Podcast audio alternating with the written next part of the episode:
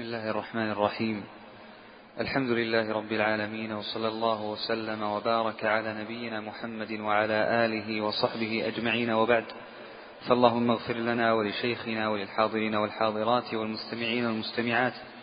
قال الشيخ العلامة عبد الرحمن بن ناصر السعدي رحمه الله تعالى في كتابه منهج السالكين وتوضيح الفقه في الدين باب سجود التلا باب سجود السهو والتلاوة والشكر.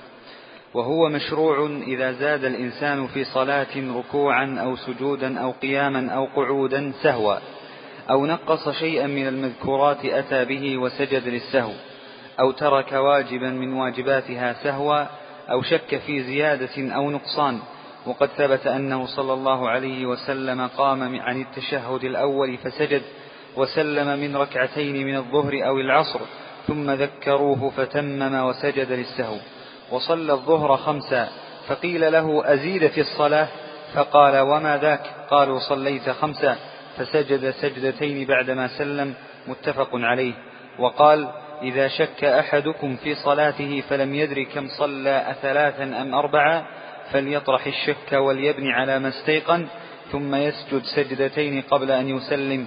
فإن كان صلى خمسا شفعن صلاته وإن كان صلى تماما كانتا ترغيما للشيطان رواه أحمد ومسلم وله أن يسجد قبل السلام أو بعده. بسم الله الرحمن الرحيم. الحمد لله رب العالمين وصلى الله وسلم وبارك على نبينا محمد وعلى آله وصحبه أجمعين. ثم أما بعد فإننا في درس اليوم بمشيئة الله عز وجل نتحدث عن أحكام سجود السهو. ولعل هذا الدرس يكون أخسر من الدروس التي قبله بسبب أن كثيرا من الإخوة اليوم كانوا صائمين فاحتاجوا إلى راحة ورغبوا بذلك. فلذلك فإننا لن نطيل درس اليوم بمشيئة الله عز وجل وإنما سيكون أقصر من المعتاد. بالنسبة لحديثنا اليوم هو حديث عن سجود السهو. وقد ذكر الشيخ رحمه الله تعالى في هذا الباب ثلاثة مسائل. المسألة الأولى ذكر فيه موجباته ثم ذكر الأصول في الباب ثم ذكر موضعه. ونبدأ بالمسألة الثانية وهي الأحاديث التي ذكرها المصنف رحمه الله تعالى. فقد ذكر الشيخ أربعة أحاديث عن النبي صلى الله عليه وسلم. وهذه الأحاديث الأربعة هي التي قال عنها الإمام أحمد إن مدار سجود السهو أو باب سجود السهو على هذه الأحاديث الأربعة حديث أبي هريرة وابن مسعود ومالك بن بحينة رضي الله عن الجميع.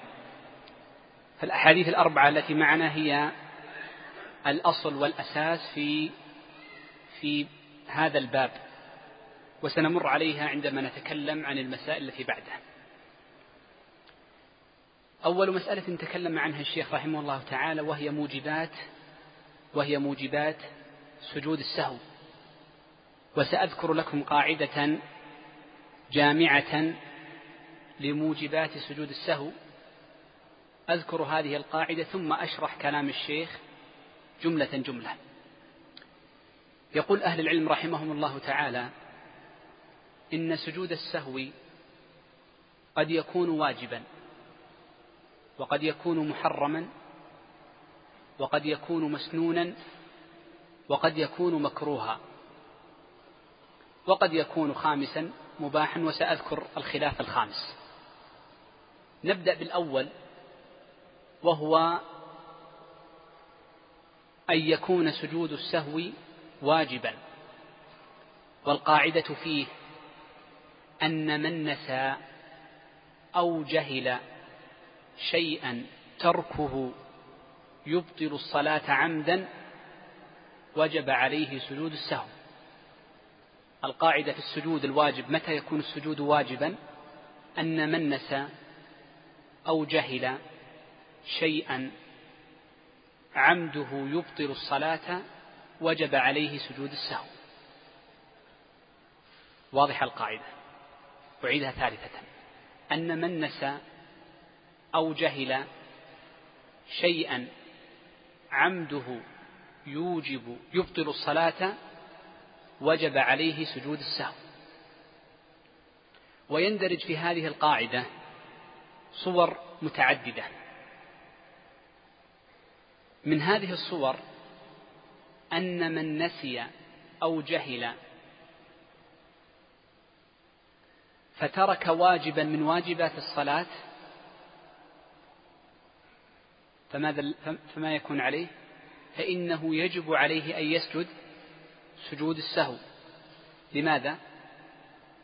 لأن واجبات الصلاة عمدها يبطل الصلاة لأن عمدها يبطل الصلاة والدليل على هذه الصورة بعينها حديث ذي اليدين الطويل الذي فتح به المؤلف وهو أن النبي صلى الله عليه وآله وسلم صلى ثم سلم بعد ركعتين فقام سرعان الناس. فقام ذو اليدين فقال يا رسول الله أقصرت الصلاة أم نسيت؟ قال لم تقصر ولم أنسى. فقال بلى إنك صليت اثنتين. فقال النبي صلى الله عليه وسلم أصدق ذو اليدين وفي القوم أبو بكر وعمر؟ فقال نعم. فقام فصلى ركعتين. ثم ماذا؟ ثم سلم. فهنا النبي صلى الله عليه وسلم ترك واجبا. وأيضا جاء من حديث ابن مسعود أن النبي صلى الله عليه وسلم قام من الركعة الثانية وترك التشهد الأول فترك واجبا ومع ذلك ماذا فعل؟ سجد سجود السهو. الصورة الثانية التي تندرج معنا في قضية أن من تركه عمدا وجبت وجب عليه وبطلت صلاته من سلم قبل انتهاء الصلاة. من سلم قبل انتهاء الصلاة. من سلم قبل انتهاء صلاته كان ناويا مثلا العصر أربعا فسلم قبل العصر قبل انتهاء الصلاة بركعة أو بركعتين عامدا بطلت صلاته. لكن لو كان ناسيا فتذكر ولم يطل, يطل الفصل فإنه يجب عليه أن يرجع فيأتي بما تركه مثل ما فعل النبي صلى الله عليه وسلم في حديث اليدين. ويجب عليه أن يسجد سجود السهو. هذه الصورة الثانية. الصورة الثالثة من ترك ركنا هنا ترك ركعة. سلم قبل الصلاة أي ترك ركعة. من ترك ركنا من أركان الصلاة ثم تداركه بعد ذلك. سجد سجدة واحدة فقط ثم قام للركعة التي بعدها. أو ترك الركوع ثم تداركه بعد ذلك. وذكرنا في الدرس الماضي إن كنتم تتذكرون أن من ترك ركنا له أربع حالات في كيفية تدارك هذا الركن. تذكرون هذا الشيء. إذا من ترك ركنا ثم تذكره فعاد إليه وفعله وفعل ما بعده ما الذي يجب عليه؟ يجب عليه أن يسجد سجود السهو لأن ترك الركن عمده مبطل للصلاة ولكنه تداركه وصححه. الواجب لا يتدارك وإنما يكفي فيه سجود السهو فقط. الصورة الرابعة التي تندرج في هذه القاعدة من تعمد عفوا من نسي أو جهل فتكلم في أثناء الصلاة. من نسي أو جهل فتكلم في أثناء الصلاة. فإنه يجب عليه سجود السهو وجوبا وهذا هو اختيار الشيخ تقي الدين. وإلا فإن المذهب أن صلاته تبطل تبطل صلاته ولا تقوم بسجود سهو. والأصل في ذلك حديث معاوية بن الحكم المعروف. حينما تكلم في الصلاة فقال له النبي صلى الله عليه وآله وسلم إن هذه الصلاة لا يصلح فيها شيء من كلام الآدميين. طيب السؤال هنا. معاوية بن الحكم لم يسجد سجدتي السهو ولم يحكم النبي صلى الله عليه وسلم ببطلان صلاته. كيف الحل؟ ما توجيهها؟ نعم. أحسنت. نعم. لأنه كان مأموما والمأموم يتحمل عنه إمامه سبعة أشياء منها السهو. يتحمل الإمام عن المأموم سبعة أشياء ومنها السهو. فلذلك لم يأمره النبي صلى الله عليه وآله وسلم بسجود السهو. وهذا يدل على أيضا أن صلاته لم تبطل لكلامه فيها. أيضا من الصور التي عمدها يبطل الصلاة مبطلات الصلاة تعرفون منها مثل ماذا؟ من أكل أو شرب ناسيا في الصلاة في غير النافلة لكي نخرج الخلاف في النافلة. وسيمر معنا إن شاء الله حينما نتكلم عن صلاة التطوع لفعل عبد الله بن الزبير. من أكل أو شرب في الصلاة فعل هذا الشيء في صلاة الفريضة يبطلها. ولكنه كان ناسيا فنقول إن النسيان هنا لا يبطل فعله وهو الصلاة وإنما يجبره وجوبا بسجود السهو. إذا انتهينا من الأمر الأول وهو متى يكون سجود السهو واجبا. الأمر الثاني متى يكون سجود السهو محرما؟ يحرم. سجود السهو متى يكون محرما؟ قالوا إذا كان من غير موجب لأنه زيادة في الصلاة ومن زاد في الصلاة شيئا من غير موجب بطلت صلاته. بطلت صلاته. مثل ماذا؟ السجود من غير موجب. قالوا من تعمد مبطلا للصلاة من تعمد مبطلا للصلاة بطلت صلاته. فلو أعاد الصلاة وسجد سجود السهو نقول ما يصلح. ما يجوز لك أن تسجد سجود السهو هنا. ما يجوز. لماذا؟ لأن هنا بطلت صلاتك الأولى وهي منفصلة عن الثانية فليس لك الحق أن تزيد شيئا فيها. وسيأتي الحديث عن السنن. فإن من أهل العلم من قال إن من ترك سنة هو نأتي الآن بصورة متفق عليه طيب. من تعمد ترك سنة من سنن الصلاة فباتفاق أهل العلم أنه يحرم عليه أن يسجد لأجلها سجود السهو. شوف من تعمد ترك سنة من سنن الصلاة يعني سبح تسبيحة واحدة ولم يزد عليها عن قصد منه هو. فباتفاق أهل العلم أنه لا يجوز له أن يسجد سجود السهو لأنه لا يوجد موجب لها. الحالة الثالثة متى يستحب سجود السهو؟ قالوا يستحب سجود السهو إذا شك في نقص واجب أو ركن. إذا شك في نقص واجب أو ركن. والحالة الرابعة يكره سجود السهو إذا شك في زيادة واجب أو ركن.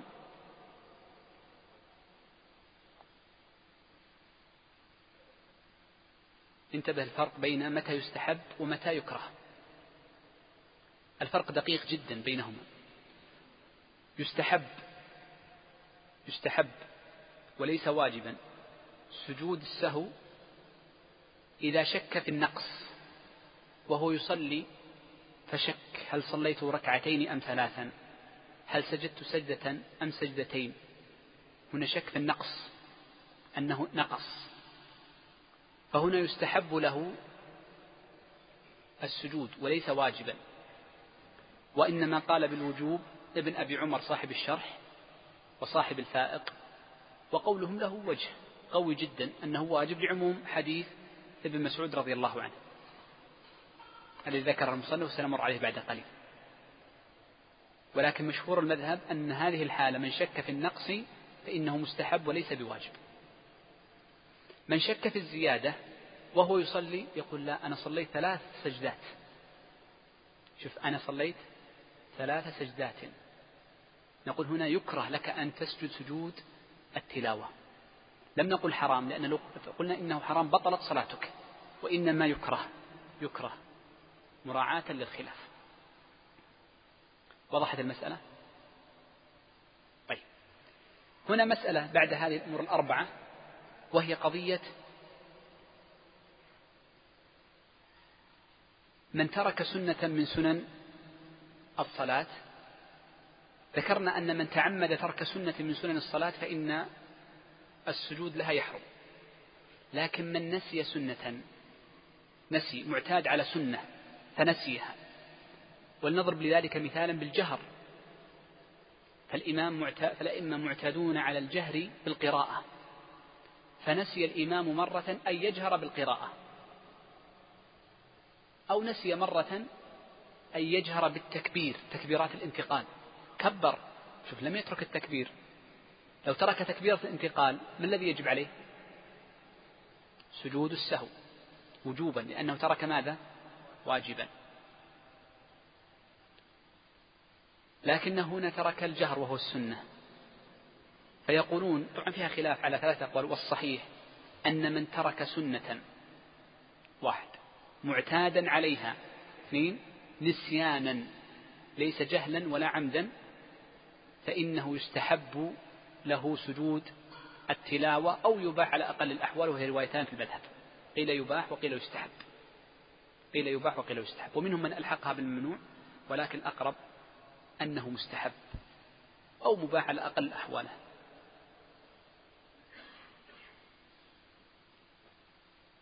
طيب نمر على كلام الشيخ قبل ذلك ثم نمر على الأحاديث وننزلها على على هذه القواعد الأربعة التي ذكرناها طيب يقول الشيخ إذا زاد الإنسان في صلاته ركوعا أو سجودا أو قياما أو قعودا أو سهوا هذه الزيادة زيادة لماذا؟ أفعال في الصلاة وزيادة الأفعال في الصلاة يبطلها لمن فعلها عمدا أليس كذلك؟ من قال سأصلي العصر خمس ركعات نقول صلاتك باطلة من قال سأصلي الركعة بركوعين صلاتك باطلة إذا كنت متعمدا وكذا السجود ونحو ذلك إذا زيادتها عمدا مبطل للصلاة فيكون السجود لها ماذا؟ واجب إذا السجود لها إذا من زاد ركوعا أو سجودا أو قياما أو قعودا أو سجودا فالسجود له ماذا؟ واجب لأن هذا الفعل عمده مبطل للصلاة قال أو نقص شيئا من المذكورات. ترك ركوعا أو سجودا أو قياما أو قعودا أو سجودا. هذه التي تركها ما هي؟ أركان ولا واجبات؟ أركان. إذا تركها ثم تداركها. لا بد أن نقول ثم تداركها. لا بد أن تزيد ثم تداركها. بخلاف الواجبات فإنها لا تتدارك كما سيأتي في الجملة الثانية. إذا لابد أن تقول أو ترك شيء أو نقص شيئا من المذكورات ثم تداركه. كيف يتدارك بأربعة درجات ذكرناها في الدرس الماضي. قال أتى به وسجد للسهو. السجود هنا للسهو واجب وإلا سنة؟ واجب. هنا واجب. أحسنتم لأن نقص شيء من أركان الصلاة مبطل لها عمدا. قال أو ترك واجبا من واجباتها سهوا. مثل ماذا ترك واجب من الواجبات؟ من ترك تكبيرات الانتقال. واحد مثل من ترك التسبيح مطلقا لم يسبح. اثنتين من ترك الجهر بالقراءة؟ الجهر بالقراءة؟ طيب نعم. التسميع والتسميع ملحق بتكبيرات الانتقال. ماذا بعد؟ ترك التشهد الأول وهو نص في الباب. وهكذا سائر الواجبات سهوا. وتذكرون في الدرس الماضي تكلمنا عن الفاتحة.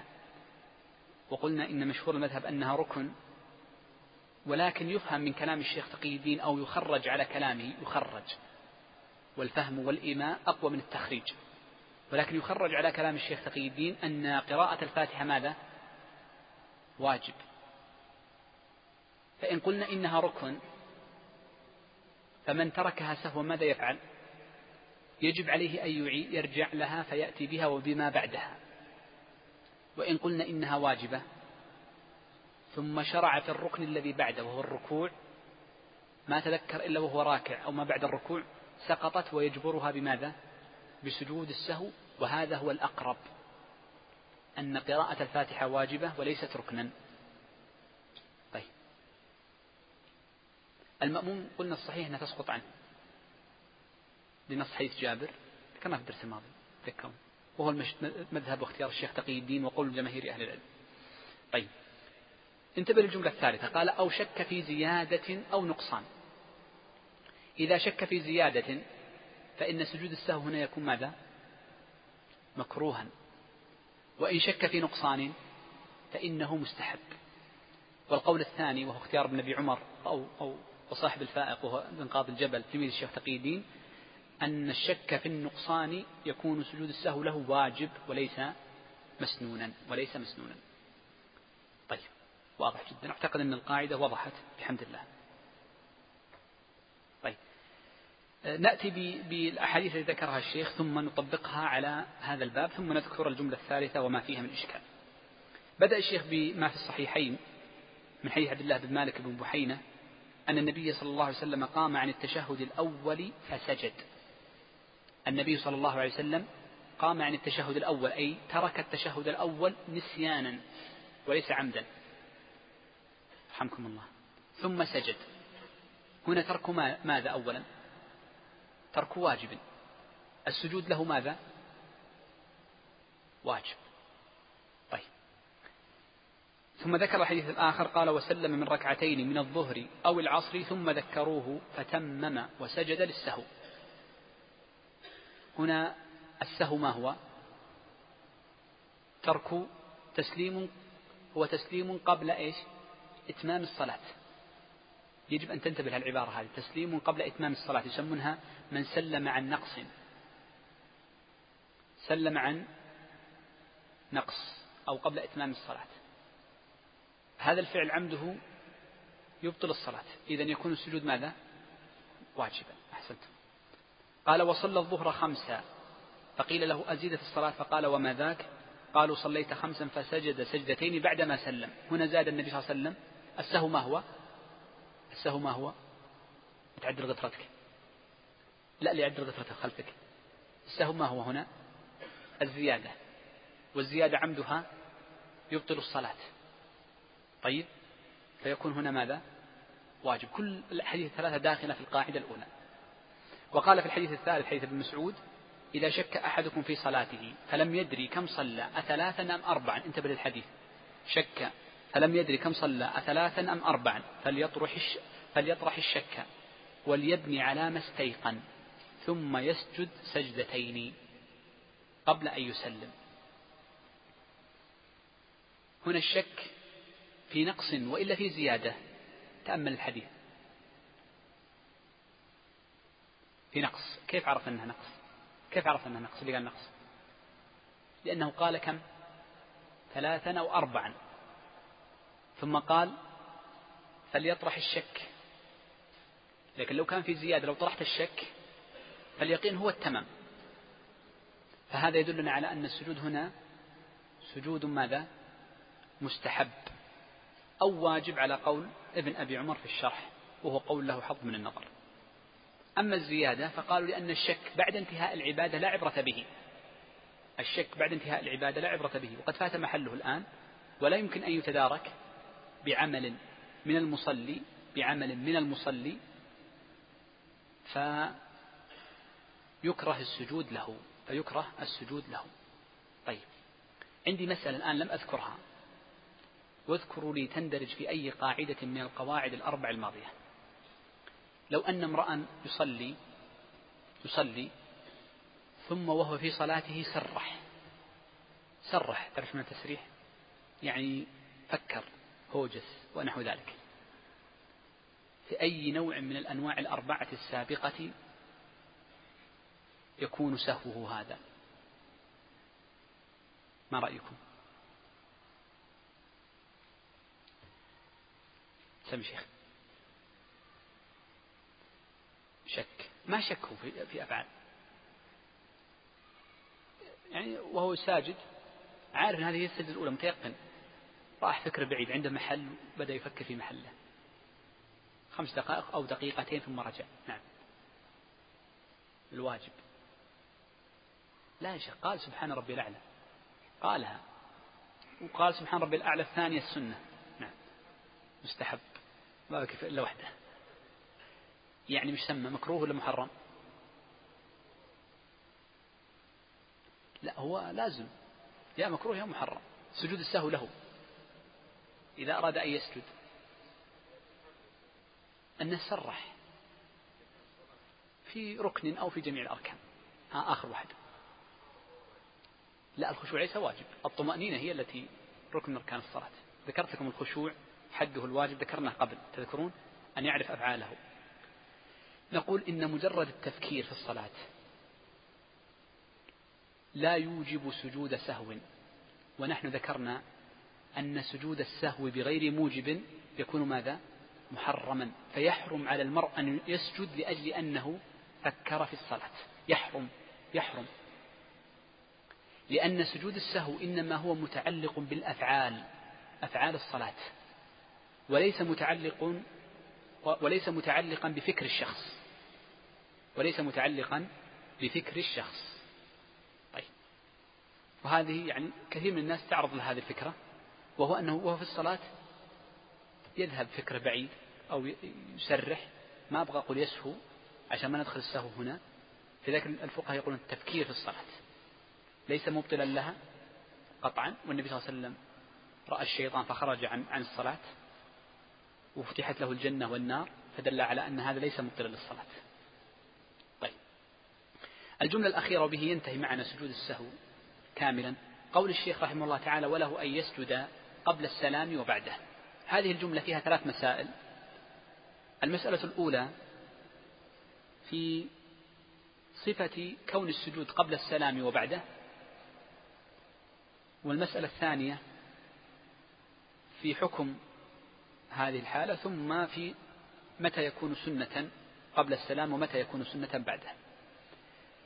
آه، المسألة الأولى قلنا ما هي؟ أنه آه، صفة السجود قبل السلام وبعده. عندما نقول قبل السلام أي بعد انتهاء أفعال الصلاة كاملة. فيتشهد ويصلي على النبي صلى الله عليه وآله وسلم ويدعو الدعاء الذي يريده ثم يسجد سجود السهو. وهذا الذي يفهم من قول النبي صلى الله عليه وسلم فليسجد قبل السلام. فيكون سجود السهو مواليا للسلام. من حين ينتهي من سجود السهو يتبعه مباشرة السلام. هذا واحد. الحالة الثانية السجود بعد السلام أن يكون من حين ينتهي من السلام الثاني يكبر فيسجد سجود السهو. يسجد سجود السهو. سؤالي الآن هل لتكبير لسجود السهو تكبير أم ليس له تكبير؟ نعم له تكبير. لعموم حديث ابن مسعود رضي الله عنه أن النبي صلى الله عليه وآله وسلم كان يكبر عند كل خفض ورفع. فكل خفض ورفع في الصلاة فيه تكبير يعني تقول الله أكبر. وهل فيه رفع لليدين؟ هذه ذكرنا قاعدة ليس فيها رفع يدين. لماذا؟ لأن القاعدة أن كل تكبير يسبقه سلام أو يلحقه سلام فليس فيه رفع لليدين. وسجود السهو سجدتان وليس سجدة واحدة فإن السجدة الواحدة لا تجزئ بل لا بد من سجدتين كهيئة السجدتين في الركعة. نفس الهيئة ونفس الدعاء ونفس الجلوس ونفس السنن التي تقال فيها بل ونفس الأدعية وروي عند الحاكم زيادة بعض الأدعية فيها. المسألة الثانية قول الشيخ أو نستفيد من كلام الشيخ وله أن يسجد قبل السلام وبعده أنه يجوز في جميع الحالات السجود قبل السلام والسجود بعده. يجوز في جميع الحالات سواء واجب أو مستحب أو مكروه أن تسجد قبل السلام ويجوز لك أن تسجد بعده ويجوز لك أن تسجد بعده. ولكن الذي فيه النظر متى يكون الأفضل قبل السلام ومتى يكون الأفضل بعد السلام؟ متى يكون الأفضل؟ إذا النزاع إنما هو في ماذا؟ متى يكون الأفضل؟ فلو فعلت ما يكون أفضل بعد السلام قبل السلام أو العكس أجزأك ولا شك. القاعدة فيه سهلة جدا جدا جدا. نقول إن الأصل في سجود السهو أنه قبل السلام. الأصل في سجود السهو أنه قبل السلام. والأفضل أن يكون بعد السلام في حالتين فقط. في حالتين فقط. الحالة الأولى إذا سلم عن نقص إذا سلم عن نقص. وهنا قول الفقهاء عن نقص لا يعنون به نقص ركن تدورك كما أنهم لا يعنون به نقص واجب فات. فإن نقص الواجب يسجد له قبل السلام. وإنما يعنون بالنقص الذي قلت لكم قبل قليل. نقص ركعة أن يسلم قبل إتمام الصلاة. إذا نصيغها بعبارة أخرى غير عبارة الفقهاء فنقول يستحب أن يكون سجود السهو بعد السلام إذا سلم قبل إتمام الصلاة. إذا سلم قبل إتمام الصلاة. فإنه يعود ويفعل ما فاته ثم ماذا؟ يسلم ثم يسجد سجود السهو ثم يسلم سلاما ثانيا. قد يكون هذا النقص ركعة وقد يكون أكثر وقد يكون أقل. ركعة مثل ماذا؟ مثل ماذا؟ واحد جلس في المغرب بعد الثانية وتشهد وسلم أو في الرباعية الثالثة ثم سلم. فهنا ترك ركعة كاملة. أكثر من ركعة في الرباعية سلم بعد ركعتين. أقل من ركعة جلس في الركعة الأخيرة بين السجدتين وكان يظن أن هاتين السجدتين ماذا؟ الجلسة بين السجدتين أنها التشهد فسلم. الصحيح أن النقص ركعة أو أقل كله يستحب أن يكون سجوده بعد السلام. هذه سهلة. ولكن الصعوبة في هذه أن بعض الإخوان يقرأ كلام الفقهاء يكون بعد السلام إذا سلم عن نقص.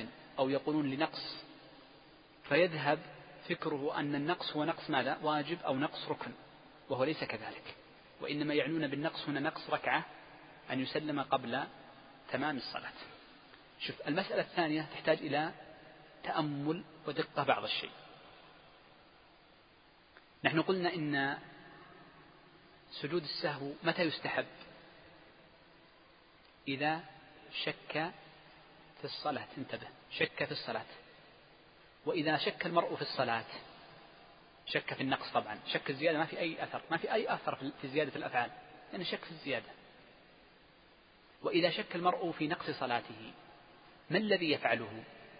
واحد يصلي وهو قائم في الركعة قال أنا في الركعة الثانية أو في الركعة الثالثة هنا شك في النقص. شك في نقص. ما شك أنه صلى خامسة. ما الذي يفعله إذا شك في النقص؟ يبني على اليقين. كيف يبني على اليقين؟ يبني الأقل. وقيل إنه لا يبني على اليقين. وإنما يبني على غلبة الظن. إذا له الخيار بين أمرين. فإن كان عنده غلبة ظن بنى عليه. وإن لم يكن عنده غلبة ظن بنى على اليقين. بنى على اليقين. ما معنى غلبة الظن؟ يعني أكثر ظنه أن هذه الركعة الثانية أو الثالثة سواء هي الأقل أو الأكثر لا ننظر لها.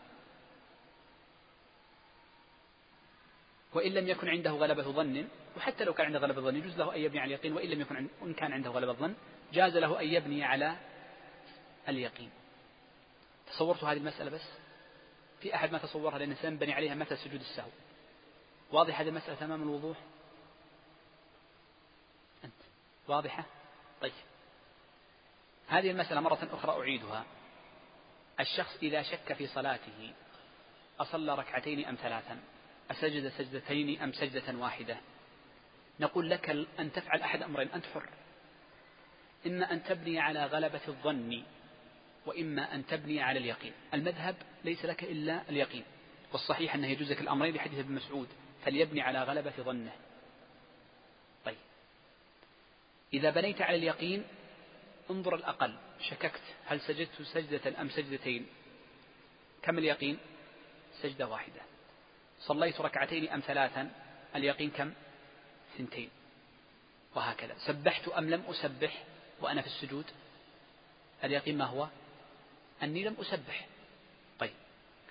ولك أن تعمل بغلبة ظنك إن كان هناك غلبة ظن غلبة الظن أحيانا في الركوع في القيام يأتيك الشك دائما. لكن نقول سبعين بالمئة ثمانين بالمئة. يغلب على ظنك أن هذه الركعة الثانية أو الثالثة يغلب على ظنك. بغض النظر هل هي الأقل أو الأكثر. فيجوز لك أن تبني على غلبة ظنك لحديث ابن مسعود. فليبني على غلبة ظنه. ولم يذكر الشيخ. فتبني على غلبة ظنك. يجوز لك هذه ويجوز لك هذه. إن لم يكن عندك غلبة ظن وجها واحدا تبني على ماذا؟ على اليقين. شوف. هنا قلنا أنه مستحب سجود السهو. إذا من شك في نقص استحب له سجود السهو. فإن بنى على اليقين فإنه قبل السلام. وإن بنى على غلبة الظن فإنه بعد السلام. بس. لحديثين وردا الحديث الأول معنا في الباب الذي قرأت لكم قبل قليل أنه جعله متى؟ قبل السلام لأنه النبي صلى الله عليه وسلم أمره أن يبني على اليقين فليطرح الشك وليبني على ما استيقن. وجاء في حديث ابن مسعود وليسجد قبل السلام. وفي حديث ابن مسعود أنه قال فليبني على غلبة ظنه وليسجد بعد السلام. إذا فالصحيح أن مبني على حالتين وهذا هو اختيار الشيخ تقي الدين ابن تيمية وقلنا أن سنمشي في شرح هذا الكتاب على اختياره دون من عداه إلا نادرا. وضحت هذه المسألة؟ وهذه مهمة معنا جدا. إذا أصبح عندنا باختصار شديد. متى يكون السنة بعد السلام؟ إذا سلم قبل إتمامها إتمام الصلاة فإنه يعود ويفعل ما فاته ثم يسلم. وهذا الذي يعبر عنه الفقهاء إذا سلم عن نقص. الحالة الثانية إذا شك في نقص فبنى على على غلبة. غلبة الظن. فإنه يكون السجود بعد السلام. ما عدا ذلك فإن السجود قبل السلام. إذا كنت ما حفظت هاتين الحالتين فاسجد دائما قبل السلام. فعلت المجزئ والحمد لله. فعلت المجزئ والحمد لله. طيب. هنا مسألة مع انتهى الوقت لكن سأستعجل. لكن يمكن نشط فيها الذهن بعض الشيء. لو أن امرأ وجب عليه سجود السهو ومحله قبل السلام. ثم سلم. نسي. وسلم. ماذا نقول له؟ اسجد بعد السلام. لماذا؟ حسب القواعد التي ذكرت لكم قبل قليل. لماذا؟ متى يكون السلام؟ السجود بعد السلام. إذا سلم. إذا سلم عن نقص. لأن هنا الصلاة السجود واجب شوف السجود هنا واجب. فسلم نسيانا عنها. واضح؟ فسلم قبل إتمام الصلاة. فنقول هنا إذا تذكرت في أثناء السلام فأتمم سلامك ثم اسجد سجدتي السهو. هذا من جانب. وإن كان بعض الفقهاء يقول إن سجود السهو ليس له سجود سهو ولكن هذا هل هو من باب القضاء؟ فنقول إنه من باب القضاء فيكون كذلك.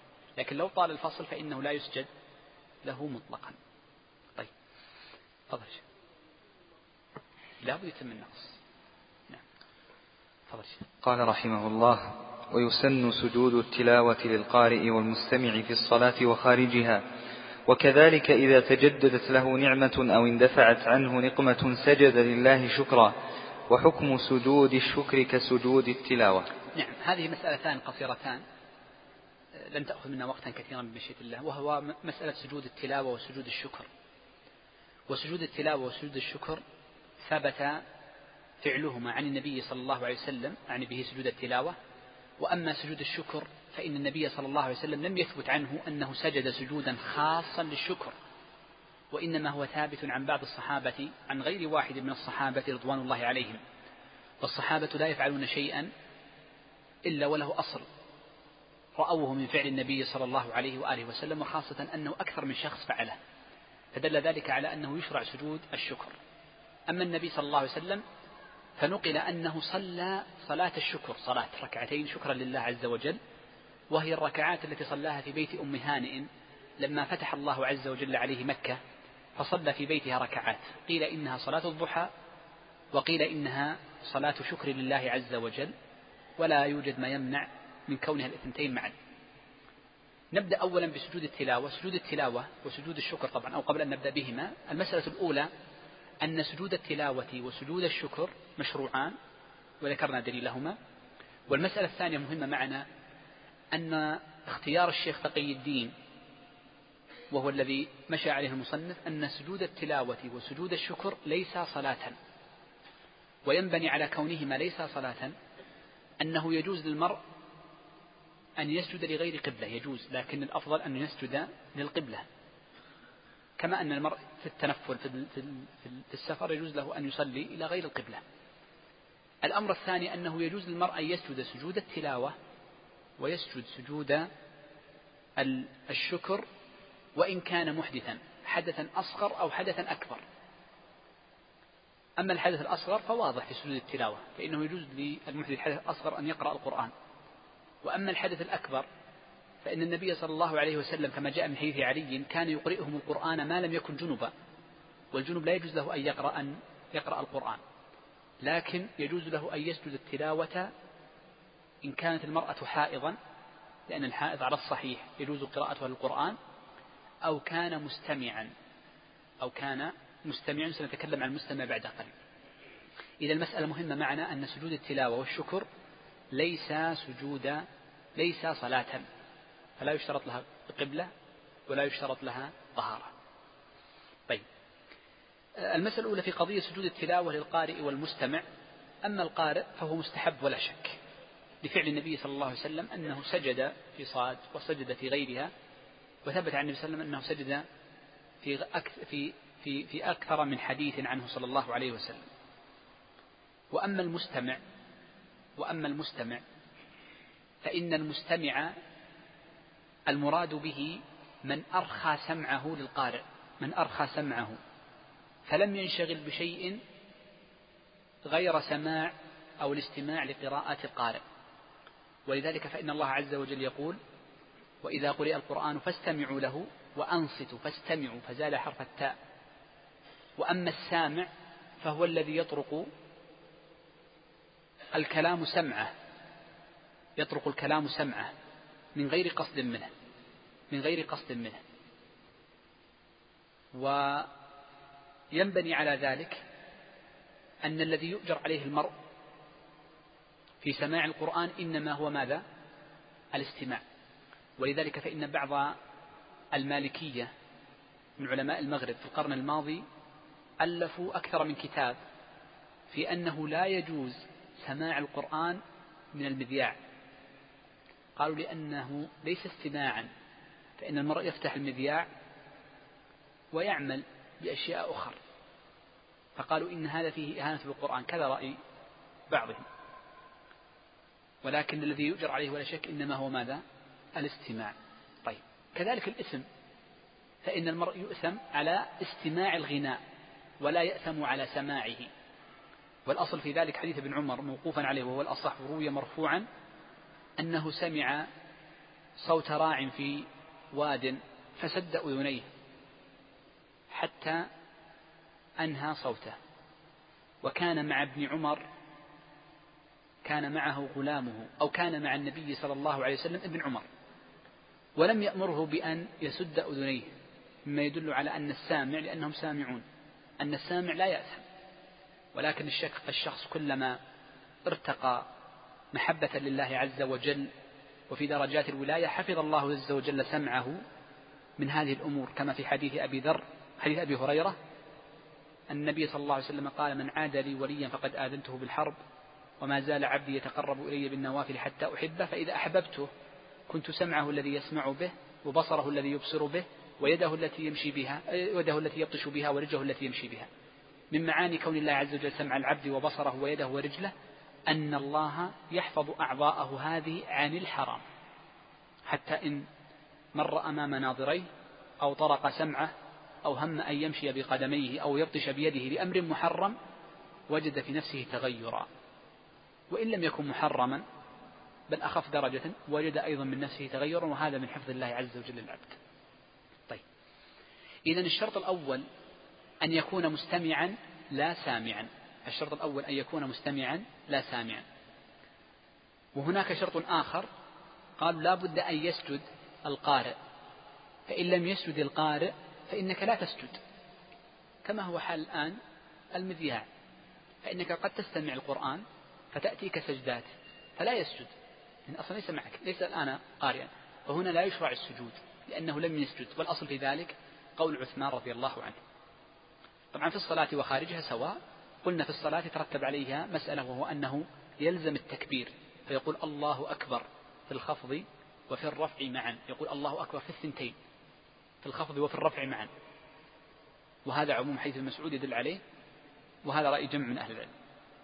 الأمر الثاني قضية سجود الشكر سجود الشكر يستحب له عند التجدد أي عند حدوثه عند حدوثه. وأما إذا طال أمده فإنه قد يكون فات محله فلا يسجد سجود الشكر ثم قال وحكم سجود الشكر كسجود التلاوة. في دقيقتين نأخذ الباقي. تفضل. قال رحمه الله باب مفسدات الصلاة ومكروهاتها. تبطل الصلاة بترك ركن أو شرط وهو يقدر عليه عمدا أو سهوا أو جهلا. إذا لم يأت به وبت... إذا لم يأت به وبترك واجب عمدا وبالكلام عمدا وبالقهقه وبالحركة الكثيرة عرفا المتوالية لغير ضرورة لأنه في الأول ترك ما لا تتم العبادة إلا به وبالأخيرات فعل ما ينهى عنه فيها. نعم. هذه المسألة مسألة وهي ما تبطل به الصلاة. معرفتها مهمة جدا لبطلان الصلاة من جانب ولتعلقها بأحكام سجود السهو التي ذكرناها قبل قليل فإن من فعل شيئا من هذه الأمور نسيانا أو جهلا فإنه يجب عليه سجود السهو. أتى بالأول وهو من ترك شرطا ركنا أو شرطا. من ترك ركنا من أركان الصلاة أو شرطا من شرائطها متعمدا بطلت صلاته لا شك. أو سهوا أو سهوا الحقيقة أن ليس كل ليس كل شرط من شروط الصلاة تركه سهوا يبطلها. فإنه قد ثبت عن النبي صلى الله عليه وسلم أنه صلى مرة وفي نعله أذى. وهو نجاسة. ففي أثناء الصلاة خلع عليه. ثم قال إن جبريل أخبرني آنفا أن في نعلي أذى فخلعتهما. هذا الحديث يدلنا على أن من نسي اجتناب النجاسة ليس رفع الحدث. نسي اجتناب النجاسة فإنه لا تبطل صلاته. سواء تذكر في أثناء الصلاة ثم ألقى ما فيه نجاسة كالغترة أو النعل أو لم يتذكر حتى تنتهي الصلاة فإن صلاته لا تبطل. وهذا هو الأمر الوحيد من شرائط الصلاة المستثنى من هذه القاعدة. القاعدة ما هي؟ أن من ترك شرطا عمدا أو سهوا بطلت صلاته إلا شرط اجتناب النجاسة. فإن من تركه سهوا لم تبطل صلاته. ما الفرق؟ لماذا استثني هذا؟ طبعا بالنص هذا الأصل وهو الدليل. لكن من حيث المعنى والتعليل سبب استثناء هذا الفرق هذا الذي يسميه العلماء بعلم الفروق بعلم الفروق. وعلم الفروق من عرفها فهو الفقيه كما قال غير واحد من أهل العلم حتى قال غير واحد أظن جمع من أهل العلم أن من عرف الفروق بين المسائل وعلل التفريق بينها فهو الفقيه حقيقة. ذكر السامري في كتاب الفروق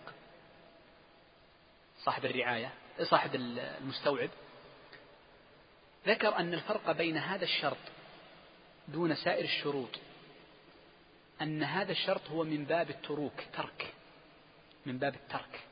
وأما الأمور الأخرى كالطهارة واستقبال القبلة والقيام مع القدرة هي من باب الفعل. فلذلك يغتفر في الترك ما لا يغتفر في الفعل. لذلك الترك لا تشترط له نية أفعال التروك لا تشترط لها النية. اجتناب النجاسة لو أن المطر جاء فأزال النجاسة وحدها بدون نية كفى. بخلاف الأفعال فلا بد فيها من نية. وكذلك هنا فإن أفعال التروك من نسيها عفي عنها بعد انتهاء الفعل بخلاف الأفعال المشروطة. وعلى ذلك فإن من ترك الحدث وصلى ناسيا أو متعمدا فإن صلاته غير صحيحة. لحديث عموم حديث أبي هريرة في الصحيحين لا يقبل الله صلاة أحدكم إذا أحدث حتى يتوضأ سواء كان ناسيا أو متعمدا. من تعمد أو نسي استقبال القبلة فاتجه لغير القبلة ولو نسيانا في الحاضرة. في الحاضرة مثلا نسي فظن أن فاتجه إلى المشرق. نقول صلاتك غير صحيحة لأنه نسيانا منك. بخلاف من اجتهد في غير الحاضرة وستمر إن شاء الله. من نسي فلم يقم صلى جالسا. أو متعمدا فصلى جالسا. نقول له صلاتك ماذا؟ غير صحيحة. وهكذا سائر الشروط التي سبق بيانها. وبترك واجب عمدا وأما نسيانا فإنه مجبور. إذا هذا الفرق بين الواجب والركن وتكلمنا عنه. وبالكلام عمدا. شوف وبالكلام عمدا. فقهاء الحنابلة يقولون إن من تكلم عمدا في صلاته بطلت بإجماع أهل العلم. وعندهم أيضا أن من تكلم نسيانا بطلت صلاته. والصحيح ما ذكره الشيخ أنه إنما تبطل الصلاة لمن تكلم عمدا فقط وهو اختيار الشيخ تقي الدين أن الصلاة لا تبطل إلا لمن تكلم عمدا لقول النبي صلى الله عليه وسلم إن هذه الصلاة لا يصلح فيها شيء من كلام الآدميين. قال وبالقهقهة والقهقهة هي في الحقيقة من نوع الكلام من الكلام لأنهم عندهم إن الكلام أقل كلمة يتكلم بها عرفت عن العرب ما كان من حرفين. كقي وفي وعي. وإن رسمت حرفا واحدا مع كسرة. فإن الياء حذف الحرف العلة حذف لماذا؟ لأنه مجزوم. وجزمه وعلامة جزمه حذف حرف العلة فهما حرفان. فأقل كلام مفيد في, في, في لسان العرب ما كان فيه حرفان. كقي وعي. قالوا والقهقهة من قهقه في صلاته فإنه سيظهر منه حرفان. فلذلك ألحقت بالكلام. هذا من جانب. ومن جانب آخر وهو التعليل الأقوى وهو التعليل الأقوى أن القهقهة إنما أبطلنا بها الصلاة لأنها تخرج المرء عن عن عن أفعال الصلاة. فإنك إذا رأيت مرأة امرأ يصلي وهو يقهقه جزمت أنه ليس بمصل. وإلا فإن الأصل في أن القهقه مبطلة. حديث رواه رواه أبو ابن ماجه وأحمد في أن النبي صلى الله عليه وسلم قال من قهقه في صلاته فقد بطلت أو نحو ذلك. ولكن العلة هل هي من باب الكلام؟ أو لأنها مخرجة عن هيئة الصلاة والثاني هو الأقرب. قال وبالحركة الكثيرة عرفا المتوالية. طبعا لماذا قلنا القهقهة لأن النبي صلى الله عليه وسلم تبسم في صلاته ولم تبطل صلاته. فدل على أن مجرد التبسم ليس ممنوعا وإنما القهقهة التي فيها صوت وبالحركة الكثيرة عرفا. لابد أن تكون الحركة كثيرة عرفا متوالية بحيث أنها تجعل من ينظر للمصلي يقول إن هذا المصلي ليس في صلاة. فلا بد أن فهي مخرجة العلة فيها الحركة الكثيرة مخرجة عن هيئة الصلاة مخرجة عن هيئة الصلاة. وأما ما قال بعض الفقهاء أن ثلاث حركات متواليات تبطل الصلاة فإنه قد ثبت عن النبي صلى الله عليه وسلم أنه فعل أكثر من ثلاث حركات متواليات فإنه نزل من أعلى المنبر وصلى في أصله في الأرض. فهنا نزل على درجتين نزل من درجتين عليه الصلاة والسلام ولا بد أنه تحرك قليلا لكي يسجد عليه الصلاة والسلام مما يدلنا على أنه قد فعل أكثر من ثلاث حركات متواليات. قال لأنه في الأول ترك ما لا تتم العبادة إلا به وهو ترك الركن أو الواجب. أو الشرط وبالأخيرات فعل ما ينهى عنه فيها لورود الحديث عن النبي صلى الله عليه وآله وسلم في النهي عنها. لذلك نقف اليوم في هذا الدرس نكون قد أنهيناه نسأل الله عز وجل الجميع التوفيق والسداد وصلى الله وسلم وبارك على نبينا محمد وعلى آله وصحبه أجمعين.